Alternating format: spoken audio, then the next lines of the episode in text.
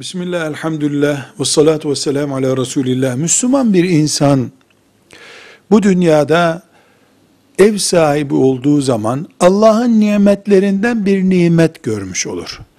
Müslümanın büyük evinin olmasında hiçbir sakınca yoktur. Müslümanın güçlü donanımı olan evi olmasında hiçbir sakınca yoktur. Yalnız Müslüman yorganına göre ayağını uzatmalıdır. Yani gereksiz borçlara, israflara girmemelidir Müslüman.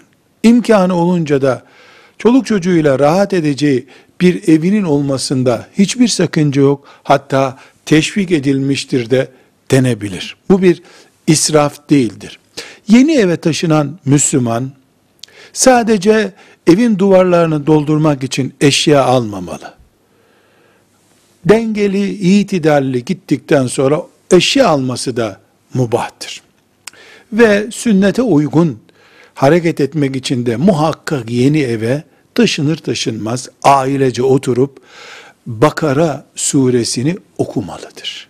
Bakara suresi o evde şeytana karşı, afetlere karşı korumadır Allah'ın izniyle. Ve yeni eve taşındığı için de semtin fakirlerine, ayrıca başka bir zamanda akrabaların fakirlerine bir ziyafet israfa kaçmamak şartıyla verilirse mübarek bir iş yapılmış olur. Velhamdülillahi Rabbil Alemin.